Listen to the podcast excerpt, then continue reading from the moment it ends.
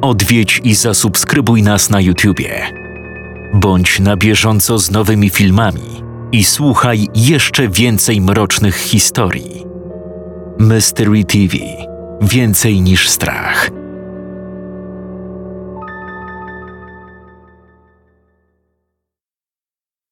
Późny wieczór, tuż po godzinie 23. Dźwięk najpierw pękającej, następnie zaś tłukącej się na tysiące szklanych drobinek szyby. Przeszył okolice niczym błysk bezchmurne niebo. W wybitym oknie pojawił się kontur sylwetki. Bez wątpienia była to osoba młoda, zwinna i wysportowana jednym słowem. Chwilę później postać zniknęła wewnątrz budynku. Nowo przybyły nieproszony gość wykonał kilka głębokich wdechów. Przesycony mieszanką wilgoci, stęchlizny i kawy zapach pomieszczenia wypełnił płuca młodzieńca, przyprawiając o grymas zniesmaczenia. Marcin! Marcin, słyszysz mnie? Słyszę. Czego się wydzieracie? Stojący pod oknem Włodek, Jurek, Natalia, Ania, Dominik, Sebastian i Kuba nie mogli doczekać się chwili wejścia do budynku niedostępnego dla nich w ciągu dnia, a przynajmniej w trakcie godzin otwarcia dla zwiedzających. Najbardziej drażniące było to, że mimo ukończonych 18 lat nie mogli w sposób legalny kupić biletu i wejść do otwartego trzy miesiące temu gabinetu figur woskowych. Właściciel nieźle wszystko sobie wykombinował. Nie była potrzebna jakakolwiek reklama ponad tą, że wejść mogą tylko osoby mające ukończony 21 rok życia, w dodatku na własną odpowiedzialność. Gabinet otoczony był złą sławą i niejednokrotnie miał być definitywnie zamknięty – Trudno powiedzieć, ile było w tym prawdy, a ile misternie podsycanej przez właściciela plotki. Niemniej znaczna część młodzieży płaciła dwukrotność biletu, kłamiąc w temacie daty przyjścia na świat, byleby tylko obejrzeć zarówno eksponaty, jak i zaaranżowane scenki z ich udziałem. Co bardziej wrażliwi zwiedzający twierdzili, że w chwili przekroczenia progu pojawiają się nieprzyjemne ciarki. Ustępują dopiero po wyjściu na zewnątrz. Inni mówili, że za żadne skarby drugi raz już tam nie wejdą. Po okolicy chodziły słuchy, jakoby wewnątrz gabinetu figur woskowych miały być rozpylane różnego rodzaju substancje odurzająco-halucynogenne, psychoaktywne w skrócie. Świadczyć miały o tym omdlenia, które zdarzały się nader często – będąc wręcz na porządku dziennym. Właściciel, trzeba przyznać, skutecznie odpierał wszelkie tego typu zarzuty, wszystko tłumacząc po prostu słabością nerwów albo psychiki odwiedzających. No cóż, nie zaprzeczam, wystawa jest brutalna, krwawa w swoim realizmie. Ale jest to kwestia precyzji, z jaką odwzorowane zostały najdrobniejsze detale. Właśnie na tym polega jej piękno. Stąd też bezwzględny wymóg ukończenia 21 roku życia. Zapewniam, to nie przypadek, nie wymyślona na prędce fanaberia albo jakieś moje widzimisię. Tam czai się coś złego. Choćby nie wiem co, drugi raz na pewno tam nie wejdę. O nie, nie, nie, nie, nie. Dziękuję bardzo, to nie dla mnie. Wspominali wrażliwcy odzyskujący przytomność umysłu. Gabinet figur dokładnie co cztery miesiące zmieniał swą lokalizację, przemieszczając się zarówno po obszarze Polski, jak również Europy, głównie zachodniej. Wedle doniesień w miastach, w których akurat gościł, dochodziło do nader częstych zaginięć, głównie młodych ludzi. Czy myślicie, że gdyby była to prawda, to gość jeździłby od tak z całym tym cyrkiem? Przecież zamknęliby go momentalnie, tak? O ile w Polsce służby działają, powiedzmy, opieszale, tak w Niemczech, Holandii, Belgii zrobiliby z nim porządek raz dwa. Twierdzili nieufni sceptycy i trzeba przyznać wiele w tym zdrowego rozsądku. Jemu coś sprzyja. Jakieś, nie wiem, złe moce albo coś. A może podpisał jakiś pakt z diabłem? Twierdzili ci bardziej uduchowieni. Bohaterscy nastolatkowie należeli do grona osób za nic mających wszelkie zakazy i nakazy. Odbyta poprzedniego dnia burzliwa rozmowa definitywnie rozwiała wszelkie wątpliwości. No dobra, trzeba tam wejść. Nie ma opcji, abym odpuścił. No, ja jestem za. Ja też. Byli zgodni w temacie włamania. Nie dość, że będziemy mieli cały gabinet na wyłączność, to jeszcze nielimitowany czas zwiedzania. Z uśmiechem mówił Włodek, cały czas zacierając dłonie. Nielimitowany czas? Bez przesady. Wszystko obejdziemy w góra półtorej godziny. A, żebyś się nie zdziwił. Gabinet cały czas wzbogacany jest o nowe eksponaty z takich serii jak Dualistic, Jałowca, Czas Z, 14 nawiedzonych nocy, Mordzwil, Pandemia, Stacja. No ja ostatnio nawet czytałem, że właściciel uruchomił kilka dodatkowych pomieszczeń, które zaaranżował tak jak w tej paście dworek. Dokładnie. A te wszelkie odwzorowane scenki podobno oszałamiają zarówno realizmem, jak i precyzją, które oddają najdrobniejsze detale. Po wyjściu nie zapomnisz gabinetu do końca życia. No to prawda. Niniejsza rozmowa miała miejsce w środę. W czwartek natomiast piątka przyjaciół kolejno przechodziła przez wybite okno, wchodząc do gabinetu i za nic mając poszczególne paragrafy łamanego kodeksu karnego. Przez chwilę wspólnie w milczeniu chłonęli atmosferę miejsca. Będziemy tak stać? Czy idziemy? Przerwał Jurek. Natalia zapaliła latarkę. Ich oczom ukazał się długi, wąski hol, po obu stronach którego znajdowały się zaaranżowane sceny z udziałem osławionych figur woskowych. Doskonale znająca każdą z serii Ania, bez kłopotów rozpoznała stojących na ugiętych nogach zainfekowanych z czasu Z dwójkę studentów z drugiej części czternastu nawiedzonych nocy oraz wpatrującego się w nią, a jednocześnie wydającego się pocierać brodę, inspektora Alana Andrewsa. Choć żadne z przyjaciół nie chciało powiedzieć tego głośno, każde czuło się nieswojo. Przyspieszona praca serca i oddech sugerowały niepokój, powolutku ewoluujący w stronę lęku. Nie było jednak możliwości, aby ktokolwiek zasugerował wyjście. Oczywiście zgodnie by wyszli, ale już następnego dnia zrzucaliby całą winę na nieszczęśnika, którego przy byle okazji wyśmiewano by bezlitośnie. Kolejne snopy światła latarek należały do Włodka, Marcina i Jani. Sztuczne światło błądziło po eksponatach, wyglądających niczym żywi uczestnicy rozgrywających się w tej chwili w ich świecie wydarzeń. Tyle, że zatrzymanych w czasie wydarzeń. Widząc fragment wąskiego korytarza piwnicy, miało się wrażenie, że z za rogu wyjdzie przyodziany w białą maskę William Spencer. Oparty o ścianę, skąpany we krwi nastolatek, nie pozostawiał złudzeń, z kim przed chwilą odbył proedukacyjną, umoralniającą i kończącą przy tym ziemski żywot pogawędkę. Tuż obok, z twarzą wykrzywioną w iście diabelskim uśmiechu, stał kilkuletni chłopiec.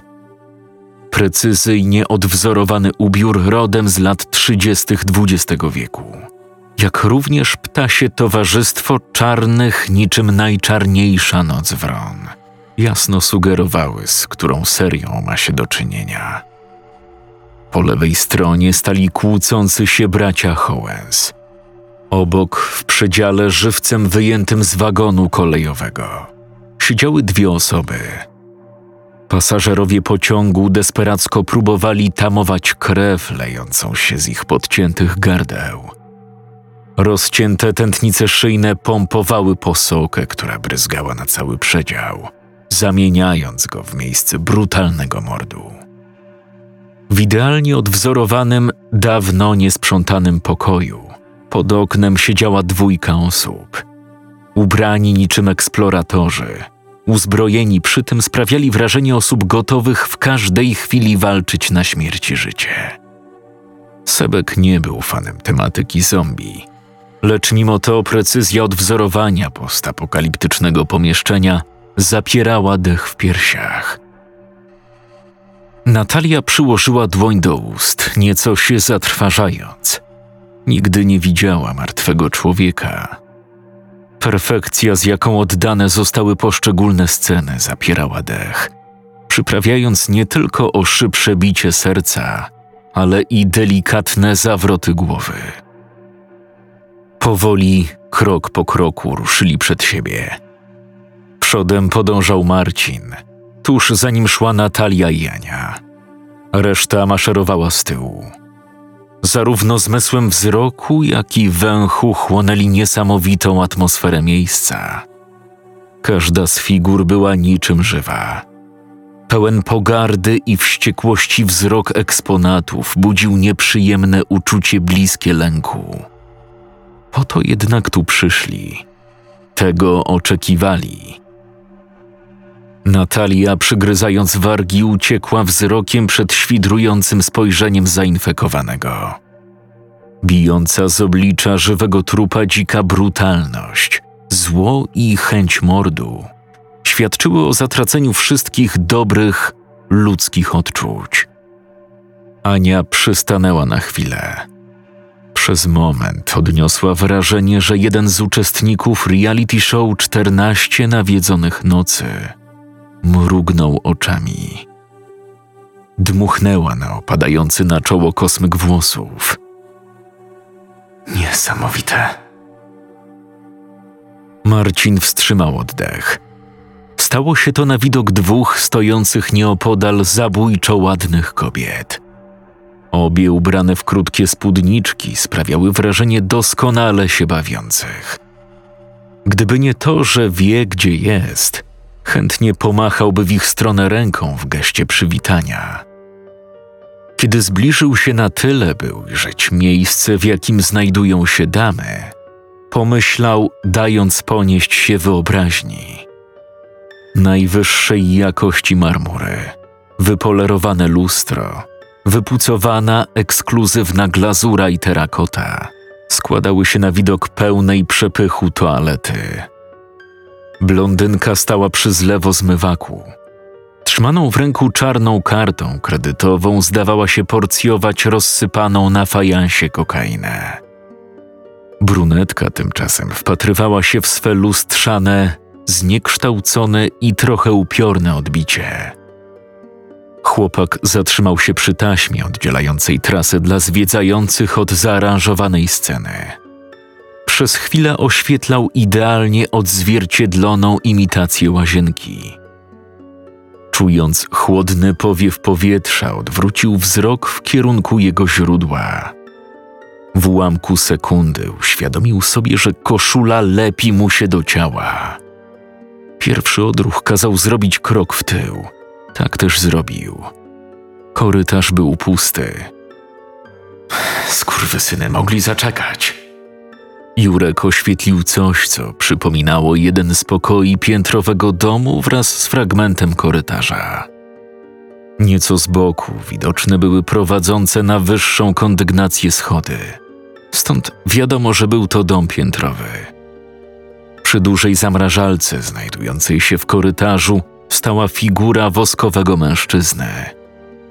Z zamasywnej, uniesionej klapy chłodziarko zamrażalki wystawały ludzkie kończyny. Skrzypnięcia schodów były autentyczne, prawdziwe. Słyszał je dwukrotnie. Nie, to niemożliwe, aby. Niemożliwe, aby mi się przesłyszało. Powiedział sam do siebie i przeszedł pod taśmą wyznaczającą kierunek zwiedzania.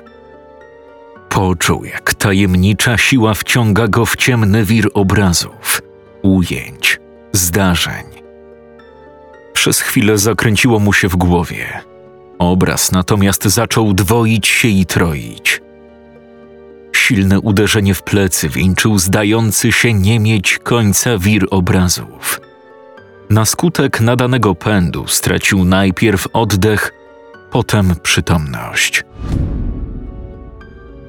Gdy się ocknął, stał na podwórzu przed ruderą, będącą niegdyś domem braci Howens.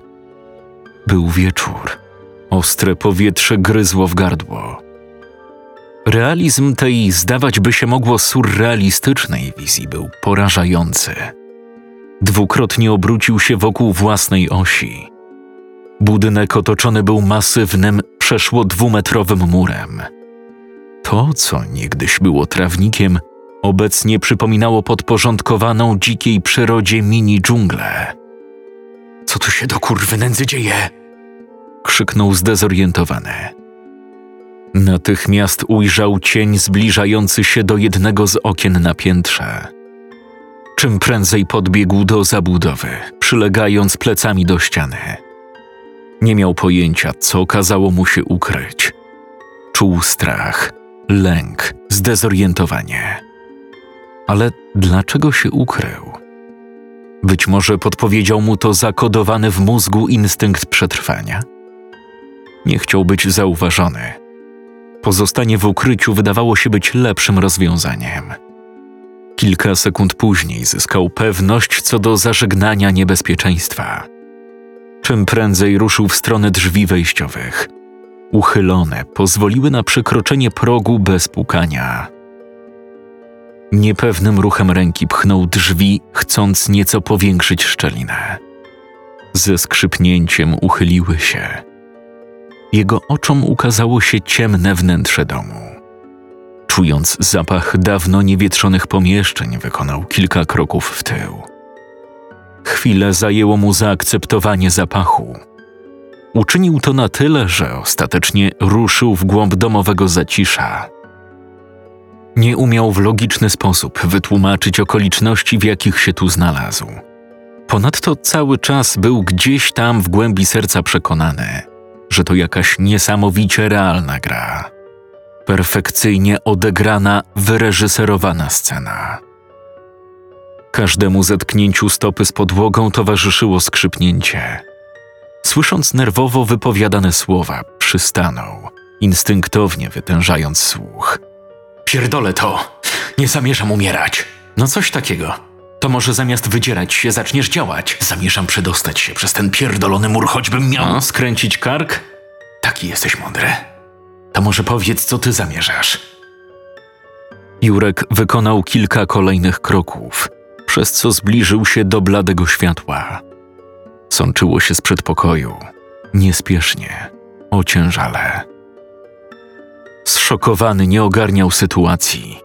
Czuł całkiem realną obawę utraty zdrowia, a nie wykluczone, że i życia. Nigdy wcześniej w całym swoim dotychczasowym istnieniu nie odczuwał czegoś takiego. Szedł długim korytarzem, coraz wyraźniej słysząc kłócące się osoby. Pomyślcie. Wystarczy przerzucić przez ogrodzenie liny lub coś, co wytrzyma wagę kilkudziesięciu kilogramów. Przecież kurwa ja pierdolę. Nie wiem, czy zauważyłeś, że nigdzie nie ma jakiejkolwiek rzeczy, w najmniejszym stopniu odpowiadającej twojemu błyskotliwemu opisowi. Zamknij się i zamiast gadać zrób coś. Nie wymagaj od niej wiele. Spójrz na nią. Od razu widać do robienia czego się nadaje. Pierdol się. Dajcie spokój. To droga donikąd. A może... Słyszeliście? Tam ktoś jest. Jurek uświadomił sobie, że wykonał o jeden krok za dużo. Niosące się dźwięki nadszarpniętej zębem czasu podłogi zwróciły uwagę domowników. Ostrożnie się wycofał. Kilka sekund później dotknął plecami klamki.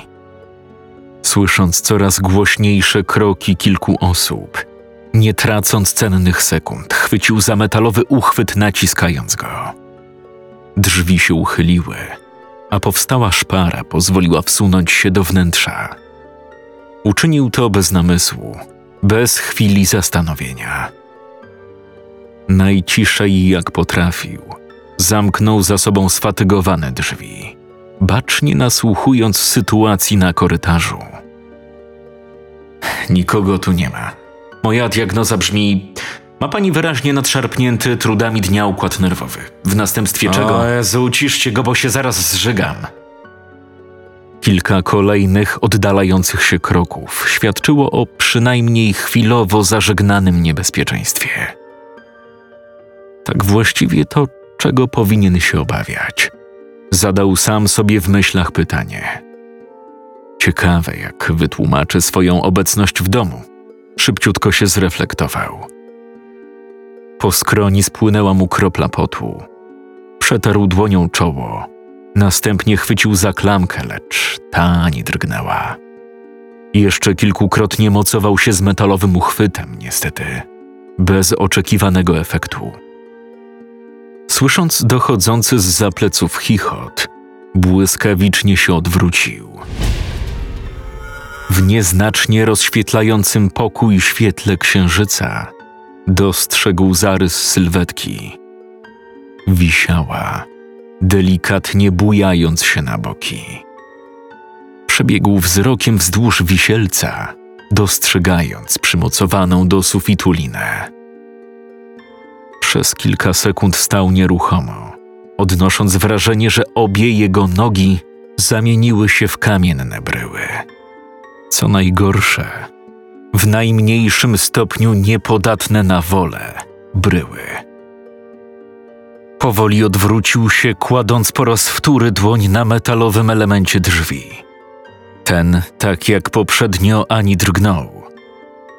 Czując zimne powietrze, powolutku odwrócił głowę. Naprzeciw niego, w nieznacznej odległości, stał pogrążony w mroku kontur sylwetki. Chłód stali przeszył klatkę piersiową, przebijając serce chłopaka. Za chwilę miało miejsce cięcie numer dwa, którego nawet nie zauważył. Przez chwilę pokój się rozświetlił. Uczynił to tak, jakby za sprawą flesza aparatu fotograficznego. Dostrzegł stojące na środku krzesło i wiszący przy suficie kilkunastocentymetrowy, zwieńczony pętlą fragment liny. Śmiercionośny węzeł kołysał się, wykonując wahadłowe ruchy. Wypełniający na powrót pomieszczenie mrok eksponował wyraźnie odcinający się ciemniejszy kontur wiszącego przy suficie człowieka. Jurek nie czuł uginających się w kolanach nóg. Zauważył jedynie nieco obniżającą się perspektywę. Wisielec kołysał się to w lewo, to w prawo. W lewo i na powrót w prawo. Krzesło przewróciło się, wzbijając w powietrze drobinki kurzu. Nic więcej zmysły młodzieńca nie zarejestrowały. Na wszystko zapadła kurtyna ciemności.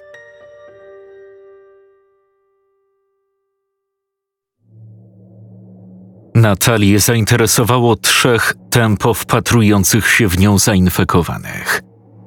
Zarówno zombie, jak i wszystko, co z nimi związane, nieszczególnie przykuwało jej uwagę. Jednak dzięki Ani wysłuchała w całości serię Czas Z. Dziewczyna nie miała pojęcia, co ją w historii Feliksa i Asa ujęło. Na sto procent nie była to oklepana do bólu tematyka żywych trupów – odziani w łachmany, wychudzeni, zainfekowani. Byli idealnie odwzorowanymi władcami świata rzuconego na kolana przez wirus D. Dłoń z latarką powędrowała w głąb wydającej się nie mieć końca ulicy. Opanowana przez zombie przyprawiała o gęsią skórkę. Gdy kółko światła ponownie skoncentrowało się na zainfekowanych, odskoczyła. To. to niesamowite. Trzech odmieńców stało tak, jak miało to miejsce przed kilkudziesięcioma sekundami. Lecz jeden wyraźnie zmienił pozycję. Teraz stał do niej plecami. niezłe bez kitu. Naprawdę niezłe. Pomyślała, bezmyślnie przechodząc pod taśmą będącą prowizorycznym zabezpieczeniem. Uczucie mrowienia w podbrzuszu było czymś cudownym, zbliżonym do orgazmu. Przymknęła powieki, przygryzając wargi. Z wszech miar chciała bardziej wczuć się w rozlewające po ciele ciepło. Zamiast tego poczuła dość mocne pchnięcie w plecy. Wpadła na czyjś bagaż, o mało się nie przewracając. Ledwo udało jej się utrzymać równowagę. Rozwarta na oścież walizka straszyła zakrwawionymi częściami garderoby właściciela. Wprost na nią, harcząc, jęcząc i zawodząc, szło trzech zainfekowanych. Instynktownie, cofając się, chciała dać sobie czas na ogarnięcie, choćby w minimalnym stopniu sytuacji. Trupy, niczym zaprogramowane na dopadnięcie upatrzonej ofiary bestie, chwiejnym krokiem szły w jej stronę. Natalia co sił w nogach pognała przed siebie, chcąc za wszelką cenę dotrzeć do narożnika budynku, licząc na choćby chwilowe zażegnanie niebezpieczeństwa. Od niechcenia miotła wzrokiem okolice. Miasto wydawało się być niemym świadkiem apokalipsy. Dwa sąsiadujące ze sobą budynki, niczym betonowi giganci, bezdusznie obserwowali kolejno następujące po sobie zdarzenia. W oddali majaczyły wraki porzuconych aut. Po ulicy walało się mnóstwo śmieci. Z oddali dobiegł skrzek ptactwa. Była niemalże u celu, gdy z za rogu budynku wybiegł lew. Zamarła w bezruchu. Umięśniona, stworzona do zabijania bestia, utkwiła w niej dzikie spojrzenie. Ojej. Były to jedyne słowa poprzedzające atak z Saka. Rozmazującemu się obrazowi towarzyszyło najpierw zdziwienie, następnie uniemożliwiający wykonanie choćby ruchu szok.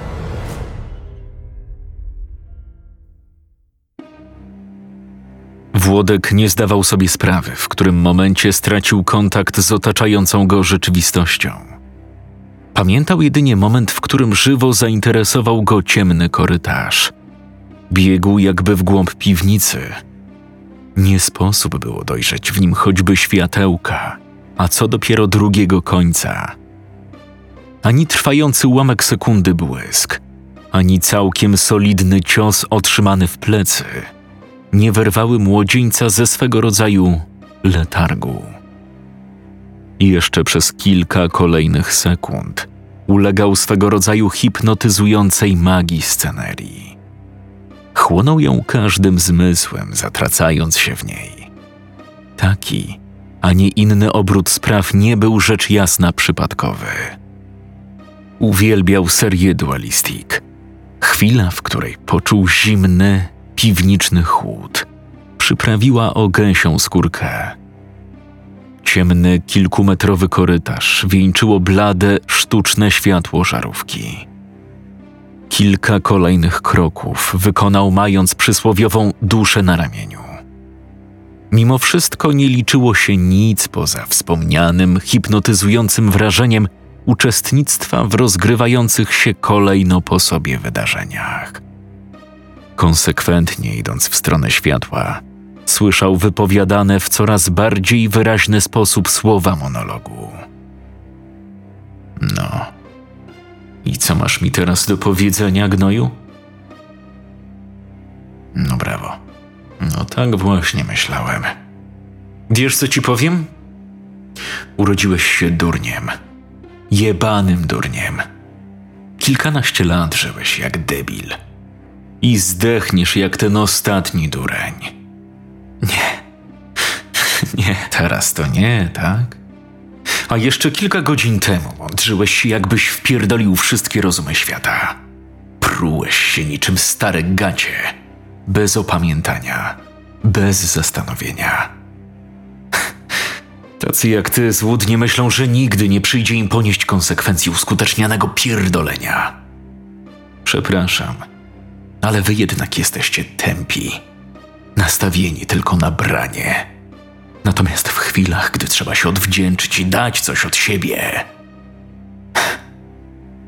Ale czego ja od ciebie, idioto, wymagam? Przecież ty nawet nie potrafisz czytać ze zrozumieniem, a ja tu się kurwa produkuję. To pan? Ale nie no, to niemożliwe. Tak, to ja. Zdziwiony? A kogo się tutaj spodziewałeś? Prezydenta Stanów Zjednoczonych? Ale dobra. Starczy tego umoralniania. Rozległ się odgłos, którego Włodek nie był w stanie dopasować do jakiegokolwiek słyszanego w życiu dźwięku. Instynktownie wytężył wszystkie zmysły, czyniąc to do granic możliwości. Na drżących nogach ruszył w stronę końca korytarza, a tym samym ostrego, kilkudziesięciostopniowego skrętu w lewo. Mimo, że starał się być jak najciszej, nie ustrzegł się wydania kilku odgłosów z rodzaju szurania.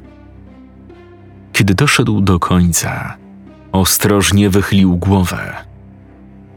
Jakież było jego zdziwienie, gdy zobaczył stojącego naprzeciw, patrzącego mu wprost w oczy człowieka. Biała maska i wysoki cylinder na głowie nie pozostawiały złudzeń, z kim ma do czynienia. Natłok myśli był tak duży, że nie był w stanie wyodrębnić choćby przebłysku zdrowego rozsądku. Rozwartymi do granic możliwości oczami obserwował, jak postać bierze zamach, najwyraźniej chcąc zadać szybkie cięcie. Na efekty nie trzeba było długo czekać. Na początku zaczęło mu brakować tchu. Sekundę później poczuł, że się dławi. Schylił głowę, przykładając dłoń do gardła. Świst ostrego, przecinającego powietrze metalu był ostatnim zarejestrowanym przez zmysły dwudziestolatka dźwiękiem. Nieco przymknęła powieki, dając porwać się wrażeniu tajemniczości i nieprzewidywalności. Oba uczucia miały urok. Pozwalały ani czuć, że żyje. Kochała robić to, na co miała ochotę. Początkowy lęk minął. Odszedł, ustępując miejsca fascynacji. Gabinet figur przyciągał. Poszczególne składowe w postaci lęku, niepewności, tajemniczości uzależniały, tworząc niesamowity miks o działaniu, którego właśnie teraz się przekonywała. Wielokrotnie miała okazję kupić bilet wstępu, lecz było to zbyt proste. Odwiedzać takie miejsce w dzień w towarzystwie kilkudziesięciu obcych osób to niemalże grzech. Zero klimatu, zero atmosfery a do tego multum głupawych komentarzy w stylu Wow, są jak żywi. Ojej, to przerażające. A, chcę stąd wyjść, to jak najszybciej. No to po co się tu pchałeś, jełopie? Trzeba jednak ponad wszelką wątpliwość przyznać, że perfekcja, z jaką wszystko zostało zrobione, zapierała dech w piersiach. Rozejrzała się, chcąc zlokalizować przyjaciół Nikogo w zasięgu wzroku nie było. Dobrze, że każdy obrał swoją drogę. Przynajmniej nikt sobie nie przeszkadza. Za parę minut spotkamy się przy wyjściu. Zerknęła w stronę taśmy pełniącej rolę prowizorycznej barierki ochronnej. Wodziła wzrokiem kolejno po każdym z trójki młodzieńców, zapewne uczniów widniejącej w tle szkoły. Młodzież po skończonych zajęciach wracała w szampańskich nastrojach do domu, zupełnie nie zwracając uwagi na otoczenie, w tym na stojącego przy aucie szczupłego mężczyznę. Obserwujący z kpiącym uśmieszkiem oraz nieco przekrzywioną głową, rejestrował każdy ruch nastolatków. Ponadto składowymi scenerii były drzewa, trawnik z siedzącym na środku kotem, a nawet przelatujący ptak. Wszystko odwzorowane rzecz jasna z zachowaniem najdrobniejszych detali. Ania na moment utkwiła wzrok w ostatnim z elementów, oświetlając go. Wow, jak oni to zrobili, że utrzymuje się w powietrzu? Pewnie jakaś cieniuteńka nić albo jakaś żyłka. Muszę to sprawdzić. Podeszła, kierując kolisty kształt światła ku górze. Śmiało można zaryzykować stwierdzenie, że uśmiech sam pojawił się na jej ustach.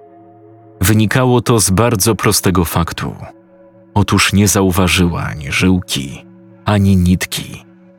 Jednym słowem, nie zauważyła niczego, pozwalającego gołębiowi utrzymywać się w powietrzu. No po prostu majstersztyk. Zrobiła kilka kroków w tył, oświetlając przy tym mężczyznę przy samochodzie. Przetarła dłonią oczy, na koniec wyostrzając wzrok. Mogłaby dać słowo honoru, że jeszcze parę minut temu gość stał przy drzwiach wejściowych od strony kierowcy, podczas gdy teraz stał z założonymi rękami oparty o zderzak tego samego auta. Ja pierdolę. Wyszeptała, nie spuszczając wzroku z woskowej figury. Była w tej chwili pod wrażeniem, porównywalnym z tym towarzyszącym odkryciu czegoś niebywałego, przełomowego, nie dającego się w żaden racjonalny sposób wyjaśnić. Oświetliła trójkę uczniów. Ci sprawiali wrażenie niewzruszenie idących przed siebie. Wróciła do mężczyzny przy aucie. Stał w niezmienionej pozycji – z tym, że teraz jego wzrok był wpatrzony prosto w nią. Wzdrygnęła się, wykonując odruchowo kolejne kroczki w tył. Cały czas nie spuszczała wzroku z obserwującej ją figury woskowej. Czując dotyk taśmy wyznaczającej miejsce dla zwiedzających w przeciwległej części korytarza, zatrzymała się. Po chwili odwróciła wzrok od woskowego eksponatu Ledwo to zrobiła, a poczuła silny powiew powietrza zwieńczony uderzeniem w plecy. Pełnię świadomości odzyskała stojąc w miejscu, na pierwszy rzut oka przypominającym stodołę. Zabudowa należała do tych z rodzaju większych. Wzdłuż sufitu biegło kilka belek wzmacniających – w zasięgu wzroku znajdowało się kilka maszyn rolniczych. Gospodarz był zapewne majętną osobą. Często spędzała wakacje u rodziny na wsi. Gospodarstwo wuja było duże, w znacznej mierze zmechanizowane. Bez problemu potrafiła więc rozpoznać poszczególne maszyny, znając przy tym ich przeznaczenie. Puśćcie mnie, to jakieś nieporozumienie. Zamknij mordę, psie, bo cię zaknebluję. O co wam chodzi? Ja... ja nic nie zrobiłem. Dobrze grasz. Ania ukryła się za jedną z maszyn. Zardzewiała, sprawiała wrażenie unieruchomionej. Ale... ale ja musiałem. Nie mogłem tak po prostu. Dlatego ja też muszę. Stodołę wypełnił odgłos dławienia. Wyjrzała z ukrycia. Widok w pierwszej chwili odebrał jej dech. Wiszący, związany mężczyzna sprawiał wrażenie bezsilnego, zarazem bezradnego. Wisiał głową w dół. Nie to było jednak najgorsze. Zdecydowanie najgorszym była lejąca się, wręcz tryskająca z jego poderżniętego gardła krew. Cofnęła głowę, natychmiast przykładając dłoń do ust. Przerażenie przejęło kontrolę nad umysłem dziewczyny, czego efektem był bezwiednie wydany, stłumiony pisk. Usłyszała skrzypnięcie. Dźwięk miał swoje źródło gdzieś na górze, tuż nad jej głową. Uniosła wzrok, dostrzegając mężczyznę. Wysoki, dobrze ponad metr osiemdziesiąt gość.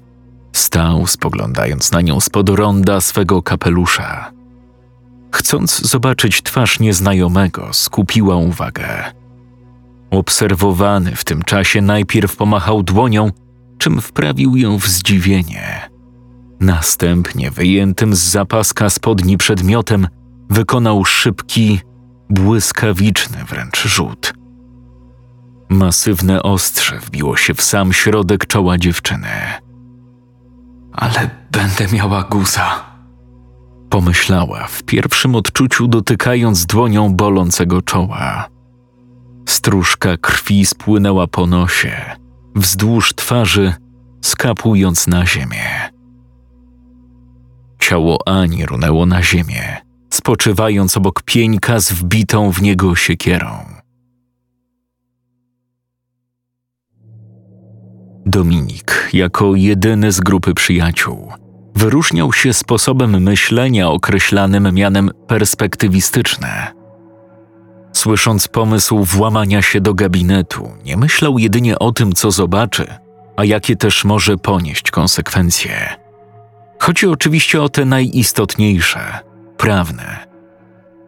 Nie, to zbyt duże ryzyko, krzyczał umysł. Serce natomiast podpowiadało: Słuchaj, no, drugi raz taka okazja się może nie powtórzyć. Ostatecznie górę wzięły emocje.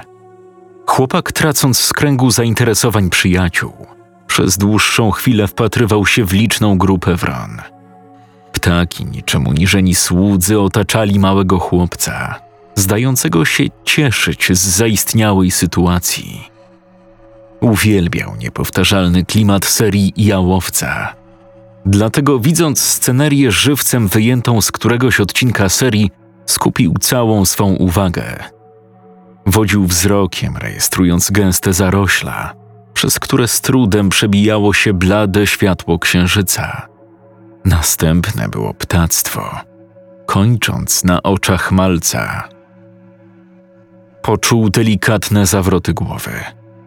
Odległość między nim a obserwowanym chłopcem zaczęła się skracać. Wzrok malca otumaniał, hipnotyzował, wprowadzając w swego rodzaju trans. Odwrócił głowę, zamykając oczy. Głośnemu westchnięciu towarzyszyło przetarcie oczu. Coś niesamowitego. Bez zastanowienia przeszedł pod taśmą ochronną, chcąc z bliska przyjrzeć się zagadkowemu chłopcu. Uderzenie w plecy na chwilę pozbawiło Dominika oddechu. Jednocześnie zmysł wzroku zarejestrował błysk. Stał w miejscu bujnie porośniętym wszelkiego rodzaju roślinnością. Powiew wieczornego powietrza orzeźwiał. Słysząc coraz wyraźniej brzmiące słowa, odruchowo skrył się za najbliżej rosnącym drzewem. Głos należał do dziewczyny, młodej dziewczyny. Obserwował z za drzewa przechodzącą szczupłą blondynkę, wydającą się całkowicie pochłoniętą rozmową telefoniczną. Prześlij w takiej formie, jakiej napisałam. Podpisz Sara Rębska i po sprawie. Nie, nie, nic nie dodawaj, jedynie podpisz moim nazwiskiem. Miki. Miki! Poczekaj, zadzwonię później, Miki gdzieś przepadł. Za chwilę oddzwonię, okej? Okay? Miki! Blondynka schowała do kieszeni bluzy telefon, rozglądając się przy tym we wszystkie strony. Odgłos przeraźliwie skrzeczącego ptactwa pojawił się nagle. Tak jakby za sprawą swego rodzaju czarodziejskiej różdżki bądź nagle wypowiedzianego zaklęcia. Dominik przywarł plecami do drzewa. Niesamowity zgiełk rozrywał skronie. Przyłożył dłonie do uszu, chcąc zminimalizować hałas. Na niewiele się to zdało. Z wrażenia nawet nie zauważył, kiedy przykucnął, zaciskając powieki. Zapanowała cisza. Kilkaset ptasich gardeł, jakby za sprawą jednej komendy, ucichło. Otworzył oczy, wyprostował nogi, tym samym wstając. Niepewnie wyjrzał za drzewa. Widok rozszarpanego na strzępy ciała dziewczyny przyprawiał o mdłości. Tuż obok leżało truchło jej do niedawna czworonożnego przyjaciela. Wszystkiemu przyglądał się mały chłopiec. Mimo pozornej ciszy miał świadomość czającego się gdzieś w konarach drzew niebezpieczeństwa. Czuł setki ptasich oczu monitorujących okolice, tylko czekających na znak do ataku. Zaschło mu w gardle. Z otwartymi ustami obserwował, jak dziecko podnosi wzrok, koncentrując na nim swoją uwagę. Nienaturalny uśmiech malca poprzedził podniesienie ręki do góry. Ptactwo poderwało się do lotu, podnosząc odbierający rozum zgiełk. Dziesiątki dziobów zagłębiało się w ciało chłopaka, wyszarpując kolejne porcje. Ryk dający ujście cierpieniu nie miał szans w konfrontacji z ptasim gwarem i szyderczym śmiechem chłopca.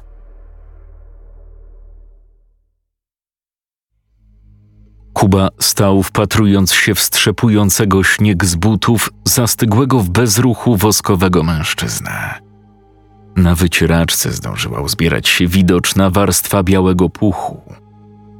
Precyzja, z jaką oddane zostało wnętrze skąpanej w mroku posępnej stacji, nie pozwalała przejść obojętnie. Przez dłuższą chwilę stał, wodząc wzrokiem po poszczególnych elementach wystroju wnętrza. Stanowisko z komputerem, wiekowa kanapa, na niej narzuta w kratę, dwa krzesła, stół, metalowa toporna szafa. W rogu stołu taboret, na którym stała jednopalnikowa mała kuchenka. Fikuśne wskazówki wiszącego na ścianie zegara wskazywały godzinę tuż przed dwudziestą. Wszystko skąpane w półmroku.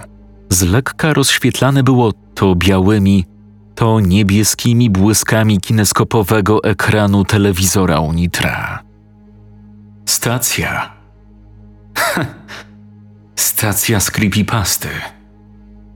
Nawet nie zauważył, kiedy usłyszał wyjący niczym potępieńcza dusza wiatr. Dochodził zewsząd, nie wyłączając przewodów wentylacyjnych. Siedząca przy stole druga z zastygłych w bezruchu woskowych figur przeżuwała kolejny kęs kanapki. Między stopami siedzącego leżało stare, zniszczone pudełko zapałek. Najzwyklejszych w świecie zapałek. Takich z czarnym kotem i oberwaną do połowy draską z jednej strony. Woskowy gość trzymał w ręku szklankę z parującą. Obserwator doskonale wiedział kawą. Para. Tak. Dokładnie unosząca się nad kubkiem para była tym, co kazało mu przejść pod taśmą odgradzającą ekspozycję. Mrok. Pustka. Wielkie nic. Pierwszy raz poczuł totalną pustkę, jakby bezgraniczną otchłań. Głośny ryk syreny pociągu paraliżował. Oślepiający halogen dezorientował. Tory. Stał na środku torów. Będąc niemalże oko w oko z rozpędzonym, kilkusettonowym składem. Rozwarł zaciśnięte w pięści dłonie. Na nic więcej się nie zdobył. Nie czuł nic Świst powietrza poprzedził chwytającą go za barki ciemność. Na pokładzie spoczął wymięty bilet kolejowy, wystawiony przez polskie koleje warszawskie.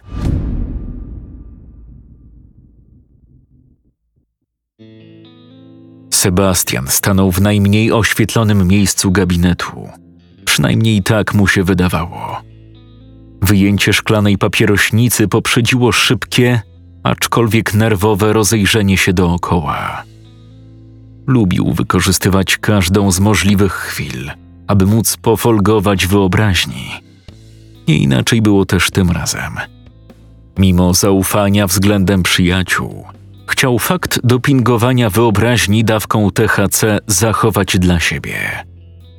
Niespełna trzy minuty później stał, wpatrując się w siedzące pod oknem dwie postacie – siedziały w pomieszczeniu będącym jednym z pokoi standardowego M. Ileś w wielkomiejskim bloku. Widział takich w swoim życiu setki. Kurz, nieład przywodziły na myśl opuszczone, a na pewno zaniedbane mieszkanie. Słysząc dochodzące jakby z sąsiedniego pomieszczenia ekspozycji dźwięki rozmowy, uśmiechnął się, nie mogąc uwierzyć, że to się dzieje naprawdę. Zbliżył się do zaaranżowanej scenki, chcąc rozwikłać tajemnicę triku wprawiającego w osłupienie. Możesz mi właściwie wyjaśnić, o co tutaj do chuja karmazyna chodzi? Co ciszej, no nie muszą wszystkiego słyszeć. Gówno mnie obchodzi, czy coś usłyszą, czy nie. Słuchaj, jeszcze trzy dni temu byłem ja i byłeś ty. No i jeszcze Franek Dzbanek, który obmyślił cały plan i nas w niego wtajemniczył. Ledwo dotarliśmy do Warszawy i już kurwa same problemy. Najpierw zwala nam się na chatę jakaś laska. Chuj wie skąd i po co. I zamiast wywalić ją za drzwi, przyjęliśmy ją do siebie. Wyszliście z chaty do sklepu i wracacie z jakimś kurwa gościem z dupy wziętym. Co my jesteśmy? Jakaś postapokaliptyczna pomoc dla samotnych? Kółko kurwa wzajemnej adoracji? Mieliśmy spieprzać we trzech, a ty robisz nam jakiś wesoły autobus. Sebastian bardzo powoli obracał głową, chcąc z wszech miar zorientować się w sytuacji. Klimat klimatem, konkretna faza konkretną fazą, lecz to, czego był już nie tyle świadkiem, co uczestnikiem, zapierało dech w piersi. Sceneria, na którą składały się wykonana z drewnianych paneli podłoga, duża przesuwana szafa z równie okazałym lustrem, boazeria i szafka na buty nie były wytworem wyobraźni, a realnie otaczającą go rzeczywistością. Przyległ plecami do ściany, wyostrzając słuch. Myślisz, że naradzają się, co z nami zrobić? Szczerze, to średnio interesuje mnie, nad czym tak debatują. Ja naprawdę nie wymagam opieki. Jeśli oni mają jakiś plan i w tym planie nie uwzględnią mnie, co wcale mnie swoją drogą nie zdziwi, to będę zadowolony, jeśli będę mógł tutaj zostać. Miejscówka wygląda na ciekawą. Na pewno wystarczy na jakiś czas, a potem pomyślę, co dalej. Z zachowaniem na miarę możliwości, rzecz jasna, wszelkich środków ostrożności, przemknął w stronę drzwi wyjściowych z mieszkania. Stojąc na klatce schodowej nieprzerwanie, kręcąc w geście niedowierzania głową, zadawał sobie pytanie: co tu się dzieje? Akcja niesamowita, z rodzaju tych mających być zapamiętanymi do końca życia. Przetarł dłońmi twarz, czym prędzej ruszając w stronę schodów, prowadzących zarówno na wyższe, co i niższe kondygnacje. Dziecięcy śmiech wydał mu się na tyle interesującym dźwiękiem, by podjąć próbę zlokalizowania jego źródła. Nie było problemem namierzenia drzwi, za których dochodził. Pierwsze piętro, mieszkanie mieszczące się w szczycie budynku, uchylone. Mimo iż drewniane, to z rodzaju antywłamaniowych drzwi nie stanowiły przeszkody. Chwilę później stał w długim, ciemnym przedpokoju. Śmiech się nasilił. Stojąc twarzą w twarz z odzianą w łachmany postacią, nie dowierzał własnym oczom. Wzrok wychudzonej persony paraliżował. Miał w sobie swego rodzaju błysk, bądź też ogień. Ogień z rodzaju tych, jakim płoną oczy myśliwego na widok zwabionej w pułapkę ofiary. Postać z błyskiem wokół trzymała w dłoniach imitującą niemowlę lalkę. Uciskając rytmicznie okolice klatki piersiowej zabawki, uruchamiała umieszczony mechanizm. Atak nie był może błyskawiczny. Był jednak na tyle szybki, by zaskoczyć kogoś zupełnie się go niespodziewającego. Ciąg kolejno następujących po sobie zdarzeń zwanych życiem w przypadku Kuby uległ zakończeniu. Prowadzące do piwnicy schody kończyły się metalowymi, zamkniętymi na kłódkę drzwiami. Na drzwiach widniał napisany drukowanymi literami napis maskotki. Marcin uniósł latarkę, oświetlając metalowe drzwi, a konkretnie kłódkę.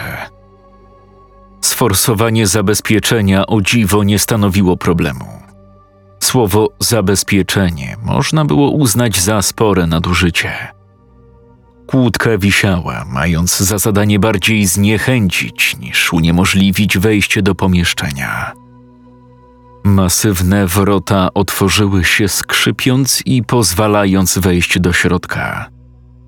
W snopie sztucznego światła tańczyły setki drobinek kurzu. W pierwszym odruchu chaotycznie oświetlał pomieszczenie. Raz był to sufit, to znów wyłożona czerwonym materiałem podłoga na rzędach wieszaków ciągnących się wzdłuż ścian kończąc. Te wieszaki nieodparcie przywodziły na myśl garderoby gwiazd, muzyki albo filmu. Okrąg światła zatrzymał się na tabliczce z napisem Przygotowanie postaci 1. Zabezpieczone folią stroje wisiały jeden przy drugim. Chwycił pierwszy z brzegu, zrywając ochronną folię. Oczom chłopaka ukazał się kostium myszki Miki. Dziwna kolorystyka ubioru wprawiała w zdumienie. Wyglądał jak negatyw, przeciwieństwo oryginalnej myszki Miki. Czarny w miejscu białego i biały w miejscu czarnego. Czerwone elementy stroju były niebieskawe. Z małej, umieszczonej na piersi kieszonki wystawała kartka. Opuszczony przez Disneya. Napis ciekawił, wręcz przyciągał. Wyjął karteczkę, obracając ją. Po drugiej stronie widniało słowo będące imieniem Marcin. Co za wariactwo. Podoba ci się?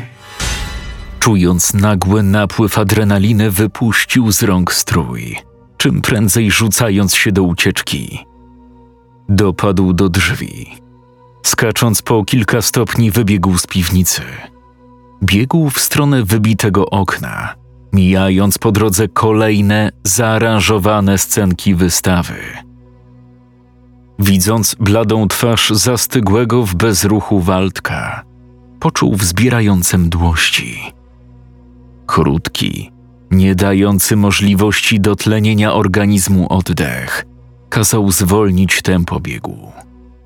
Przyjaciel leżał w zainscenizowanym piwniczym korytarzu w kałuży krwi. Nad nim stał William Spencer. Co? Ale jakim cudem, jak to możliwe? Waldek, nie dość, że był figurą woskową, to jeszcze elementem zaaranżowanej scenki. W sposób jak najbardziej przypadkowy, losowy, oświetlił leżące, zmasakrowane przez lwa zwłoki Natalii. Jej twarz wyrażała zdumienie, a zarazem przerażenie. Nakładem wszelkich dostępnych sił biegł w stronę wybitego okna.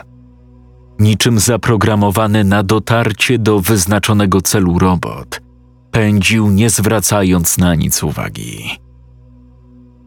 Runął na ziemię, wprost pod nogi funkcjonariusza policji. Nie ruszaj się! Leż jak leżysz i ani drgnij! Oni tam zginęli. Leżą zabici. O, oni stali się figurami. Czwórka, tu 21. Przyślijcie karetkę na ulicę Smutną, dokładnie pod gabinet figur Oni- woskowych. Oni nie żyją. To nieporozumienie, ja nic nie zrobiłem. Zabił ich ten gabinet. Oj, teraz to się dopiero zacznie. Jej go na oku. Pójdę się rozejrzeć. Po co skakał oknem, jak miał otwarte główne drzwi? Powiedział sam do siebie dwie minuty później, przekraczając próg gabinetu. Będąc w środku, odczuł silne mdłości. W świetle latarki z mroku wyłaniały się kolejne figury woskowe. Rozpoznając ubranego wznoszoną, skórzaną ramoneskę biskupskiego, uśmiechnął się pod nosem. Muszę się tu w końcu kiedyś wybrać. Mdłości ustąpiły dopiero na zewnątrz. Jak? zapytał młodszy aspirant kwiek, obserwujący leżącego na ziemi skutego chłopaka. Na pierwszy rzut oka nic nie zginęło. Raczej trudno by mu było wynieść którąkolwiek z figur. Trzeba wezwać właściciela. Swoją drogą, muszę tu przyjść. Ta, ja wybieram się od dwóch miesięcy. Ponownie spojrzeli na leżącego. Osiemnastolatek cały się trząsł. Gdyby wierzyć porzekadłu, że oczy są zwierciadłem duszy, to w duszy skutego królował chaos. Scenariusz Gabriel Grula. Czytał Jakub Rutka.